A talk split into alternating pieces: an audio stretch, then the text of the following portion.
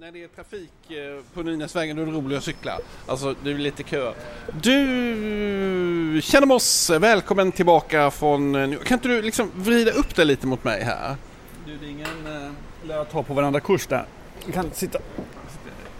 Sådär ja. Du... Ska jag börja eller? Men vadå? Börja, ja, gör det. Ja men alltså jag, jag börjar berätta något så, så berättar du något. Är det så det funkar? Ja, eh, precis. Det finns, eh, David Granat hade lyssnat, han tyckte att jag avbröt dig alldeles för mycket. Ja, det är han inte ensam om att tycka. Framförallt har ju du eh, patologiskt svårt att föra en linje i ett samtal, vilket jag tror många lyssnare och vänner till dig reagerar på. Okej, okej. Men nu tänkte jag prata om David Lagerkrans och jag har ett litet avslöjande. Låt höra. Ja. Nej men David Lagerkrans han berättar ju alltid vilket ångestförhållande han har till sin pappa. Hans pappa eh, hävdar då, eh, David Lagerkrans, eh, han, han dög aldrig i, sina pappas, ö, i sin pappas ögon. Och eh, nu vet vi hur det har gått och han har tjänat 100 miljoner på att skriva böcker. Där ligger du i lä lite. Där ligger LE. Jag tror min motsvarande summa är 300, 300 000 kanske för tre böcker. Men du, får jag fråga en sak? Eh, Det här vet du eh, med anledning av The Weekend-intervjun som du har läst men inte jag har hunnit till än. Nej men precis, jag har läst den och som vanligt så kommer Har den... tjänat 100 miljoner kronor? 100 miljoner kronor och eh, nej, men han skriver där att han sprätter iväg med sina pengar ungefär som Hur om... mycket har Nordstedt tjänat på David Lagercrantz i så fall? För han menar vad han har tjänat, det är inte vad, det är inte vad böckerna inbringat i värde utan det är hans privata... Men han har tjänat och sen så Zlatan-boken har han tjänat på och sen så eh, i takt med då att han blev en bästsäljande författare globalt så börjar även hans samla, gamla böcker eh, eh, sälja. Ja, Men det, där, där, det kan ju Ja, inte... precis. det kan ju inte Man kan säga Loket har- Jo, du, du vet, eh, bara för världsdistribution. Sen så har ju han tillsammans med Jessica Babb, jag trodde det var bara Jessica Babb, men han har ju också startat sitt eget agentbolag. Ja, just det, det har jag noterat också. Och eh, det har man ju förstått eh, lite att, eh, såna, att äga rättigheter är också ett sätt att tjäna pengar. Så, Framförallt förhandla rättigheter tror jag också. Det finns ju, om man kan det här med förhandling så tror jag att eh, de som har gett sig in i förlagsbranschen, bokförlagsbranschen och även då streamingrättighetsbranschen, för dem är det ju helt jungfrulig mark. För där tror jag inte, där har ju fan inte förhandlats någonting överhuvudtaget. Det är ju bara standardavtal hit och dit ja. Nej men eh, i alla fall, jo nu kommer mitt lilla avslöjande här då. Och jag har ju då en, en, eh, känner en person som gick på Journalisthögskolan tillsammans med David Lagercrantz. Och varenda gång han hade författat några meningar eller någon liten artikel, då skickade han det till sin pappa. Och vad, hur gjorde pappan då? Jublande, fantastisk artikel. Varenda rad som David Lagercrantz skrev under journalisthögskolan berömdes av pappan och hyllades i skyarna. Alltså, det faktum att han var förtryckt av sin pappa, det är liksom en efterhandskonstruktion som jag tror att han själv tror på. Men de som var med när det hände, de vet ju att det hände aldrig. Så att eh, det här, är hans ångestladdade förhållande till sin pappa. Hans pappa Ja, men alltså, hans pappa var ju också så, men han sålde den där Strindberg-tavlan så att han kunde få några miljoner så att han kunde köpa sin första vinstlägenhet på Hornsgatan där han bodde väldigt länge. En ganska sunkig del av eh, Hornsgatan i och för sig om man jämför med där jag bodde. Men och min vinstlägenhet som jag själv eh, inte... Men, precis, jag kommer ju lottlöst till Stockholm. Men, Men, lycka... med all respekt, vi ska återkomma till din vinstlägenhet, men vi går tillbaka till det faktum att Olof Lagercrantz kanske var papp, årets pappa helt enkelt. Ja, nej men absolut. Och, ja, men det, vet vi också. David Lagercrantz, han var en liten lillebror. Han hade liksom en klok storasyster. Och sen så då eh, ett... Exakt, han var sladdbarn Ja, dessutom. nej, men det eller tyder på att han är omhuldad och Ja, men alltså, han är så bortklemad så det finns... Och Man sen... hörde ju också som du säger hans sommarprat som du har lyssnat på tusen gånger. När han hade den här festen, det var jävligt kul beskrivet. Han hade en stor fest i, i eh, föräldrarnas villa i, mm, i, på Drottningholm. Och de, någon skär sönder Olof Lagercrantz originalverk och det var Strindberg och allt var det första upplagor. Och det skulle ju i så fall, om Olof Lagercrantz vore så mycket, eh, svi, så mycket svin då som han, som han framställs som, då skulle han ju bryta med David Lagercrantz direkt. Istället säljer han en, en, som du säger, en oljemålning för att finansiera hans första lägenhet. Nej, Olof Lagercrantz, Father of the year säger jag. Ja, årets pappa, vi utnämner Årets honom pappa. det. Och sen så David Lagercrantz, han är ju årets pappa nummer två. Men vet han... jag, också, vet du vem jag tror mer i årets pappa som också, det har jag hävdat hela tiden, det är ju Claes Eklund som jag också tror har varit en alldeles utomordentlig pappa även om Sigge Eklund har skrivit den här boken. Året, som är i och för sig, eh, måste jag erkänna då, rätt bra även om jag inte tyckte det då. Året är 1988 och det har precis börjat snöa. Okej, okej, det är sån litteratur du uppskattar helt enkelt. Ja, nu har det kommit ett sms Det här. är roligt för TV4, jag ska vara på Nyhetspanelen imorgon. Då skriver de Hej Claes, här kommer ett inlä- inlägg inför morgondagens Nyhetspanel. Det är du, Kalle Sundin och Claes Dufair som ska prata. Det är två Claes Dufair imorgon alltså.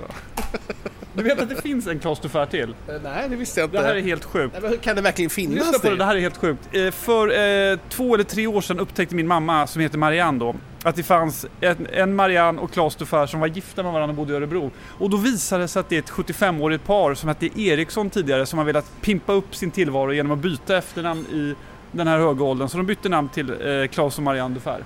Men, men har du, är inte ert namn skyddat då? Tydligen då så, de stavade Dufair i ett ord utan prefix. Och sen så, jag ringde upp honom och frågade vad det var frågan om. Du kan ju tänka, jo, du kan tänka dig också jag ringer upp och så svarar han så här. Claes Dufair? Alltså, ja, det, det, det, det heter jag också. Hur länge har du vetat det? Tre veckor? Ja, alltså, jag, heter, jag har hetat i 42 år. Och sen visade det sig att han hade släktforskat och då var det någon på hans, eh, jag tror hans frus mormors mor som hade hetat Dufair. Så då kunde han få heta det tydligen. Fast jag tyckte det var rätt dråpligt. Mm. Ja men lite roligt. Eh, det är väldigt speciellt. Det är väldigt, eh, alltså du och jag har ju två väldigt bra namn i det att de är väldigt unika.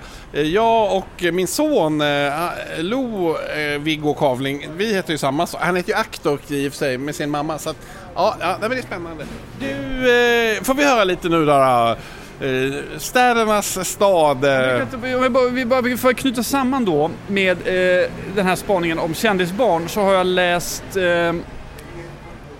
jag har glömt bort vad den heter. Daniel Bergmans bok Hjärtat, har du läst den? Nej, Det kan jag jag, Linne rekommendera. Ullmans böcker brukar jag läsa i Bergman-klanen. Men, eh, Ja, men då har jag en spaning som slog mig när det kommer till eh, Bergman-barnen. Vad hände nu? Nu är det någon slags tumult. Eh, när det kommer till Bergman-barnen, det måste ju vara Sveriges absolut sämsta kändisbarn. Ja, Benjamin Ingrosso är min favoritkändisbarn. Jo men eh, de, de kändisbarnen har ju levererat på, om idén med kändisbarn är att eh, deras barn ska bli kändisar och så ska deras barn bli kändisar igen. Då är familjen Ingrosso, de är ju... Eller, De är världsklass. de är världsklass, herregud. Men vad säger du om Bergman-barnen? Linn Ullman, absolut levererat. Ja. Men sen, Nej. Daniel Bergman eh, hade ju en otrolig och det här Hjärtat som är en utomordentligt bra bok som jag verkligen kan rekommendera. Jag hoppas att han skriver fler böcker. Men han, Daniel Bergman berättar då, det, det kommer verkligen du älska, hur eh, han slår igenom med Söndagsbarn. Som jag var tvungen att se om igår kväll. Jättebra film, håller fortfarande. Eh, sen får han en existentiell kris, framförallt efter att ha publicerat den här bo- eh, filmen efter boken eh, av Reidar Jönsson, vad hette den? Det hette den Svenska människor. Eh, nej, det hette den inte. Skitsamma. Så Han gjorde en film som blev sådär helt enkelt. Ja, precis. Och sen så, han gjorde flera filmer. Han gjorde massa av- avsnitt av Storstad. Det är för övrigt hans bror Mats Bergman som ju, man får kanske då säga inte Men det är ganska bra skådis på Dramaten tycker jag ändå. Jo, absolut, men han är ju inte eh, Hall of Fame än, men det, det kan komma. Det kanske är sträng, men jag tycker ändå det är en intressant spaning apropå då eh, förutsättningarna. Och sen ju Daniel Bergman, han han har ju, känt sedan länge, skolat om sig så han är ambulanssjukvårdare. Nu är han tyvärr rätt sjuk, vilket boken handlar om primärt. Men spaningen då, av Ingmar Bergman så är det nio barn. Så är vi tre stycken som har tagit sig an det här otroliga arvet och eh, du kan tänka om du hade varit Ingmar Bergmans son, vilket jävla liv du hade ställt till om det då. Ja, nej, men jag brukar tänka på det. Jag har ju ett, eh, alltså mitt namn i Danmark, om jag, när jag träffar en dansk journalist och säger att jag heter Kavling gud. så, så tror de inte att det är sant för det är helt fantastiskt. Men berätta, för det här vet ju inte alla lyssnare. För att eh, motsvarigheten till Bonniers stora journalistpris i Sverige, i Danmark är Kavlingpriset. Precis, det är uppkallat efter min farfars far som är Nordens mest eh, kända och revolutionerande journalist. Eh, Jan Guillou inräknad. Att han är Nordens mest kända journalist. Du blir mer Ja, känd. alltså, nej men han är känd, alltså i om, du, om du tänker om hundra år. Ja, men han, han, då kommer han vara, då är han fortfarande en ikon för att det han förde in i Skandinavien finns, ja. Och hans bi- barnbarnsbarn förde in lönelistan och Viggos dagbok, eller vad? Hur har du förvaltat? Nej men man, att man har ett arv som man själv är medveten om och är stolt över men man blir inte hela tiden påminn om det. Jag tror att vara Daniel Bergman och hela tiden liksom leva i den stora titanens skugga. Sen tror jag ju i och för sig att en del barn som tittar på sin pappa, alltså de fick ju bara se honom på TV och på film och läsa om honom i tidningsartiklar. De fick ju aldrig han skolar ju inte upp dem i, i in person utan han satt ju hellre ensam på nyårsafton än tillbringa tid med sina nio barn. Så där tror jag, ska man vara, är man som Claes Eklund till exempel, eller vad jag förstår Olof Lagercrantz, en närvarande pappa, då kan man forma sin lera det, tror, och genom, genom sin person. Jag säga en sak nu? Jag tror en sak som vi inte tänker på. Jag tror definitionen av att vara närvarande är rätt stor skillnad idag mot hur det var på den tiden både fysisk närvaro, jag menar hur många kvällar vad, tror Ulf Lagercrantz var hemma och satt och spelade kort med familjen? Jag har ingen han, satt inte, han hade ju författarna på middag och jo, så fick David sitta där under bordet och lyssna. Men hur, mycket, hur ofta var han på jobbet? Hur ofta hämtade han? Hur liksom, körde han till träningar tror du? Jag tror liksom inte... Det, det var så... Alltså, men, unga kan ta sig till träningen själva. Jag tror det här är vad David Granat menar, att när jag ska slutföra en mening, om jag bara kan göra det. Nu har jag glömt bort vad jag ska säga. Det är så jävla typiskt dig. Definitionen tror jag, när vi ser på vår tid, och tänker på närvaro. Våra barn kommer tänka på något helt annat med oss också. De kommer säga att vi var på jobbet hela tiden. De kommer väl antagligen inte jobba när de blir stora för att tekniken har gått så fort framåt. Jag vet inte. Men jag tror igen, när man jämför hur man är mot sina barn själv när man kommer upp. Det är kanske den definitionen som man kommer fram till att ens pappa är ett svin. Jag kommer inte göra det med min pappa för han har aldrig varit tillstymmelse till svin. Men Eh, tyvärr jag på att säga, det kanske varit bra om jag hade haft lite mer svinaktig pappa än vad jag haft. Men eh, jag tror att definitionen av närvaro tror jag är central när man ser tillbaks på sin uppväxt och sina föräldrar. Mm -hmm. Jaha, du, det var ju storartat det här. Fantastiska kommentarer. Du... Eh... ja men alltså... Eh, ja. Barnslig. Och, och fet. Barnslig och fet är vad du är. Det är roligt för att när jag förolämpar dig då, då förolämpar du tillbaka mig men du, du har väldigt låg nivå på ja, dina förolämpningar. Jag, jag hånskrattar åt dig och då, då är det liksom tyvärr... Jag har kan... aldrig fattat att det är ett hånskratt. Jag trodde det var ett kamratligt och gulligt skratt. Har, har det i alla år varit ett hånskratt? Du är ett svin. Ja men just det. Du, jag tänker, får vi höra lite här nu. Du och Siri åkte, flög till New York. Ja. Får vi höra lite om detta? Vi flög till New York och hade en underbar nästan vecka där. Det var fantastiskt som alltid i New York. Eh, några spaningar var väldigt behagligt väder, det var otroligt mycket knark på gatorna. Eh, även... Röker Mariana överallt eller? Ja, Mariana, det är kanske ett mindre problem, men när de injicerar heroin på eh, bästa adress på Manhattan och folk ligger liksom i driver ute, eh, eh, vad heter det, höga. Det var jättesorgligt och eh, också upphov till många pedagogiska diskussioner med en 13-åring om eh, droger. Men det är ju bra att de får se, liksom, eh, om det ligger folk på gatan och knarkar ihjäl sig, då, det minskar ju behovet av att knarka själv faktiskt. Jag är helt enig i det. Det minskar absolut eh, behovet av att eh, göra det och lusten av att göra det. Ehm, annars så har vi ehm, eh, ätit på Baltasar massa gånger som jag älskar. Det är ska jag säga, New Yorks motsvarighet till Rish. Antagligen fel men i min värld är det det. Nej men det stämmer, det stämmer. Eller visst är det det? Ja, det, men det är det närmsta vi kommer. Ja, det är det närmsta de kommer. Det är inte riktigt lika bra som Rish men det är jävligt bra ändå. Det, det är det. Eh, det är lite industriellt. Alla de här restaurangerna som han har, eh, Baltasar-ägaren, alltså PGs motsvarighet, glöm bort vad Nick tror jag han heter. Han är från England egentligen tror jag också. Eh, de är lite industriella, de är liksom mycket större och sådär. Men så blir det ju en stor. Men vad heter den på Odengatan? Heter den Baltasar också? Som ligger i gamla V8, eh, vad heter det, V8-affärens lokal som är väl en biograf. Ja, men om den heter Baltasar och den... Men den har ju inget med det att göra naturligtvis. Men det är ju, det, det, den De är lika. Ja, lika, det är ju en rip-off rakt av. Fruktansvärt, ska aldrig mer gå dit. Jag tycker det är väldigt trevligt faktiskt. Jo, jag tycker också det är trevligt, men, men det är ju liksom... Ja, nu när du har varit på originalet då vill du inte... Det var inte första gången jag var där, det har varit varje gång jag varit i New York. jag älskar att gå dit. Du, eh, har vi något mer att säga om New York eller? Nej, men det är inget som eh, tror jag eh, roar dig. Hur var det att vara med sin dotter då, bara ni två? För det första, hur är det att ha en dotter? Det är fantastiskt på alla sätt och vis. Verkligen något jag rekommenderar om du funderar på att skaffa barn. Fler barn, vill säga, eftersom du bara har söner. Ja, absolut. Bara har söner. Jag, kan, jag har ju både en son och en dotter, så då kan jag säga samma mening som min pappa alltid sa. Perfekt samling, inga dubbletter. Nej, komplett samling naturligtvis, inga dubbletter. Perfekt samling. Komplett samling, inga dubbletter. Okej, okay, okej. Okay.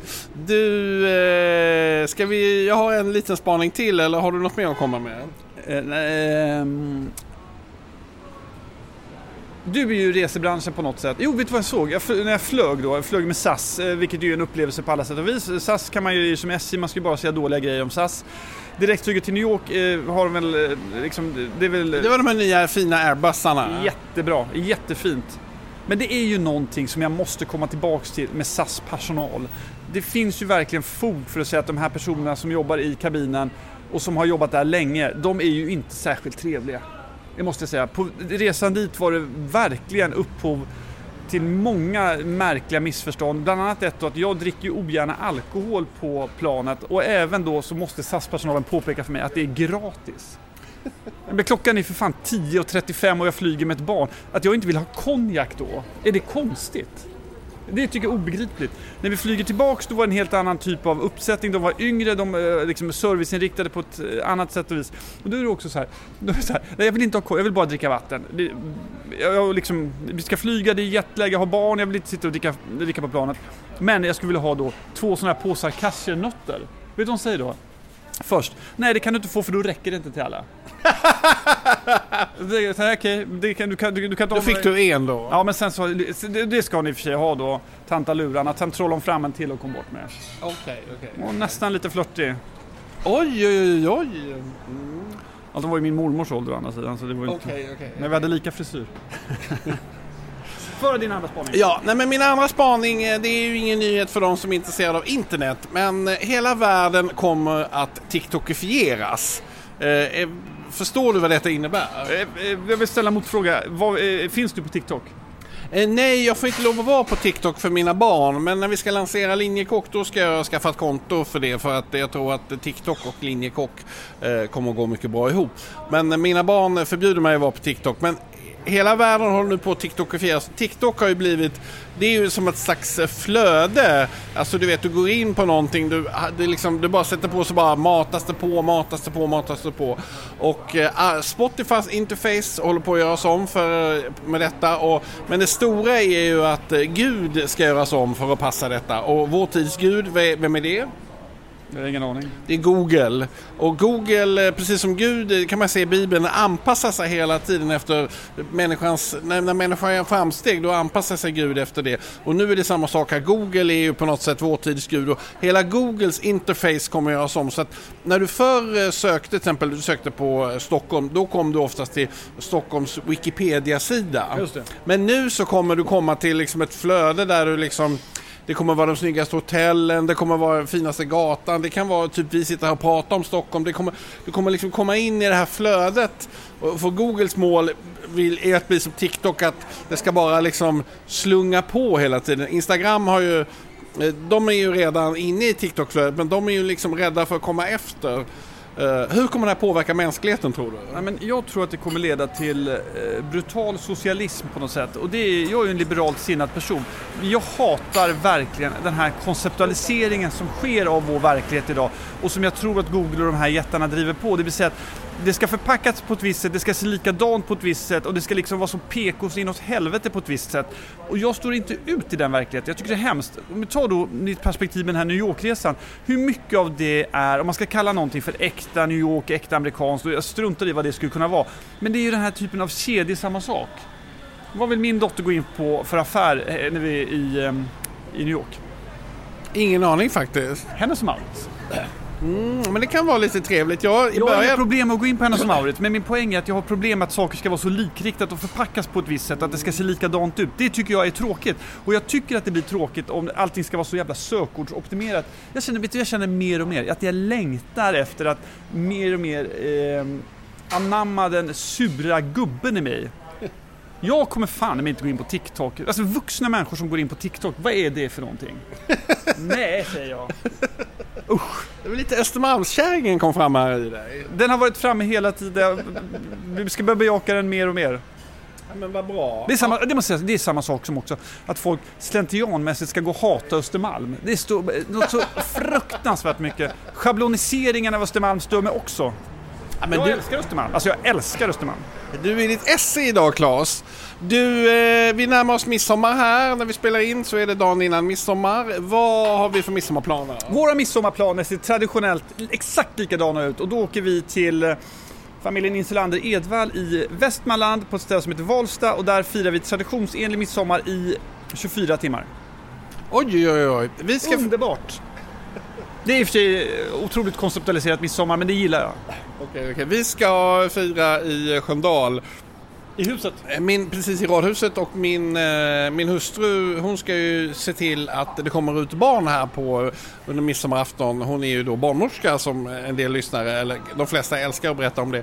Eh, hon ska jobba ganska mycket så att eh, det blir jag och mina söner också som min kompis Peter som eh, kommer förbi och han har lovat att titta, han är chef på Hamburger Börs. Han ska ta med sig olika snapsar som är i källaren från Hamburger Börs. Så att, eh, Vad är det ja. för kom- har väl ingen kompis som heter Peter? Vad är det för kompis? Jag har en kompis som heter Peter Bengtsson. Han har börjat jobba, han är från Skåne så att eh, du har inte träffat honom än. Men han... Eh, nej, men eh, det, det finns blinda fläckar i din kunskap om mig även om du inte tror på, det. ri- nej, vet du vad, på riktigt, om det skulle kunna finnas, jag undrar om jag skulle kunna vara med i Alla mot alla i ämnet Viggo Kavling.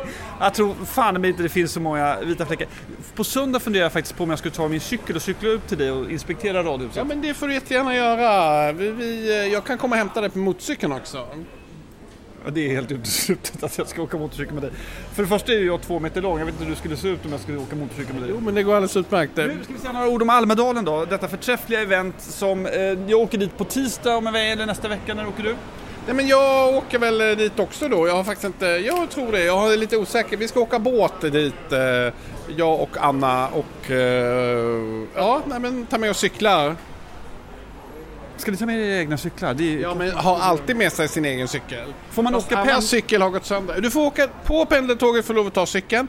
Det är väldigt jobbigt när man kommer av eh, båten och ska tillbaka för att då är det ju hundratals cyklar som ska på. Och amatörerna de förstår inte att eh, nu är det liksom, det är ju Giro d'Italia där, eh, vad heter det, för att komma med. För att du, du kan bara ha en cykel per öppning Ja, på pendeln? på pendeln. Jaha, så, att, när du åker hem då? Ja precis, att då är det 100 cyklar och, och 20 öppningar. Och cykla från Nynäshamn, det är på den här vägen, det är ju aj, Ja, gamla är- Nynäshamnsvägen som man kan cykla Jo, på. Det är trevligt. alltså- Ja, det är en bit att göra, det håller jag alltså, det är för långt. Hur känner du Viggo? Vi var i, tillsammans på Almedalen och bodde på det här hamnhotellet. Det är väl, då hade inte jag barn och mitt barn är äldsta våra barn. Så du säger att det är 18 år sedan då, kanske 19 år, det är kanske 20 år sedan till och med. Ja, det kan vara 20 år sedan. Hur eh, känner du inför nu? Nu återvänder vi lite grann. Nej men jag, jag har ju genomgått eh, flera faser av Almedalen. Den första var ju den här uppbyggnadsfasen när jag kom dit med dig och såg en oplöjd åker brukar jag säga. Och sen så började vi bruka den här åkern och det började blomma och eh, det gick jättebra och sen så var det alla andra på det. Och sen så var jag med liksom upp till toppen och sen slutade jag ju på Resumé och då var jag ju liksom lite vilsen så inför Almedalen. Det var ju som att det pågick någonting, men vad var min roll i systemet nu? Sen så har jag liksom nu fått en ny roll och kan gå runt i systemet både med min gamla kunskap och i min nya roll. Så det känns, eh, men det känns jättebra. Men det känns som att du du, ju, du är ju lite i den här mellanfasen nu som jag var i tidigare. man är moderator, man är med i någon panel. Men, Moderator. Moderator. Du säger man är med i Moderaterna säger du. du moderator är jag. Ja men Moderaterna, ja men det är ju den uh, tjattrande klassen. Men du har rätt i, jag befinner mig verkligen i Ja eh, och då är man liksom lite sådär, eh, varför ska man då vara kvar längre tid? Du, det liksom finns ingen, du, allting som händer i Almedalen, förr eller senare kan det hända något som jag ska rapportera om. Och det är ju jättehärligt, alltså att vara journalist i Almedalen är något av det härligaste som finns. För det kan uppstå, ja, det händer grejer 99,9% är bra och sen händer det en del dåliga saker också. Nej, men framförallt att vara journalist på Resumé i Almedalen för då kan man ju nästan vinkla vad som helst och få in det i... Eh, men du måste ju ha också rollen nu som chefredaktör för Travel eh, News så är ju reseindustrin någonting som ja, jag tror miljöfrågan och så vidare, det måste finnas massa vinklar för det du rapporterar om där. Ja, nej men det är jättebra. Jag ska göra lite podcastintervjuer. Sen tänkte jag att du och jag skulle podda också. Varje dag ska vi podda. Varje dag ska vi podda. Podda, jag tycker vi morgonbadar och poddar. Nej, det Ja, vi får det. se lite. Det kommer, jag har ju liksom saker jag måste bevaka och sådana grejer. Men vi... Eh, Sluta, Ja, alltså, det, jag har saker jag måste bevaka. men vad ska du göra? jag ska, du ska... moderera. Ja men det, hur många, hur många är du på? Vi hade ju en sån lista här. Ja. Eh, Tio uppdrag. Kommer du ihåg att jag toppade den listan? Var 28 hade jag när jag hade som mest. Ja men det var ju i egenskap av chefredaktör. Eller? Ja, jo det var det, men det spelade någon roll? Ja, nej men... Det är fortfarande, alltså, man modererar ju fortfarande ett samtal. Jo, absolut, absolut. Du, ja men fantastiskt. 28, fantastiskt. Du är bäst Claes, du är bäst. Hur många ska du moderera nu? Jag ska inte moderera någonting. Nej, jag ska... Ja, nej, men, du, vad heter Vi ska det? podda varje dag från vi- Almedalen, det tycker jag ska bli kul. Ja. Vad är Almedalens svar på Rish nu? Jag tror inte att det är Donnersbrunn längre. Kommer du ihåg vad hette han hovmästaren jag tycker Vinäger fortfarande bra? är det bästa stället. Jag känner mig mest hemma där.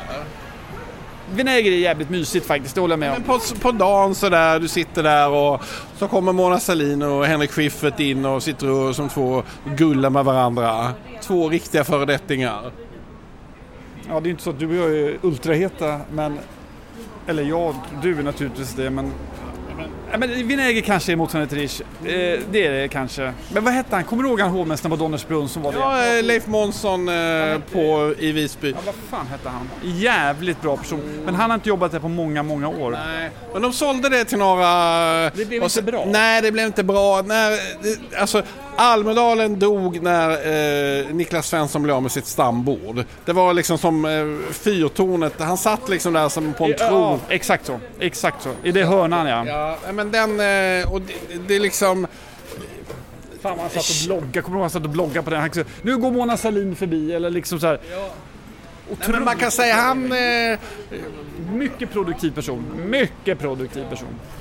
du, eh, vi avslutar väl med... Nu för, vi har babblat på så jättelänge Har du nu. haft på micken nu eller?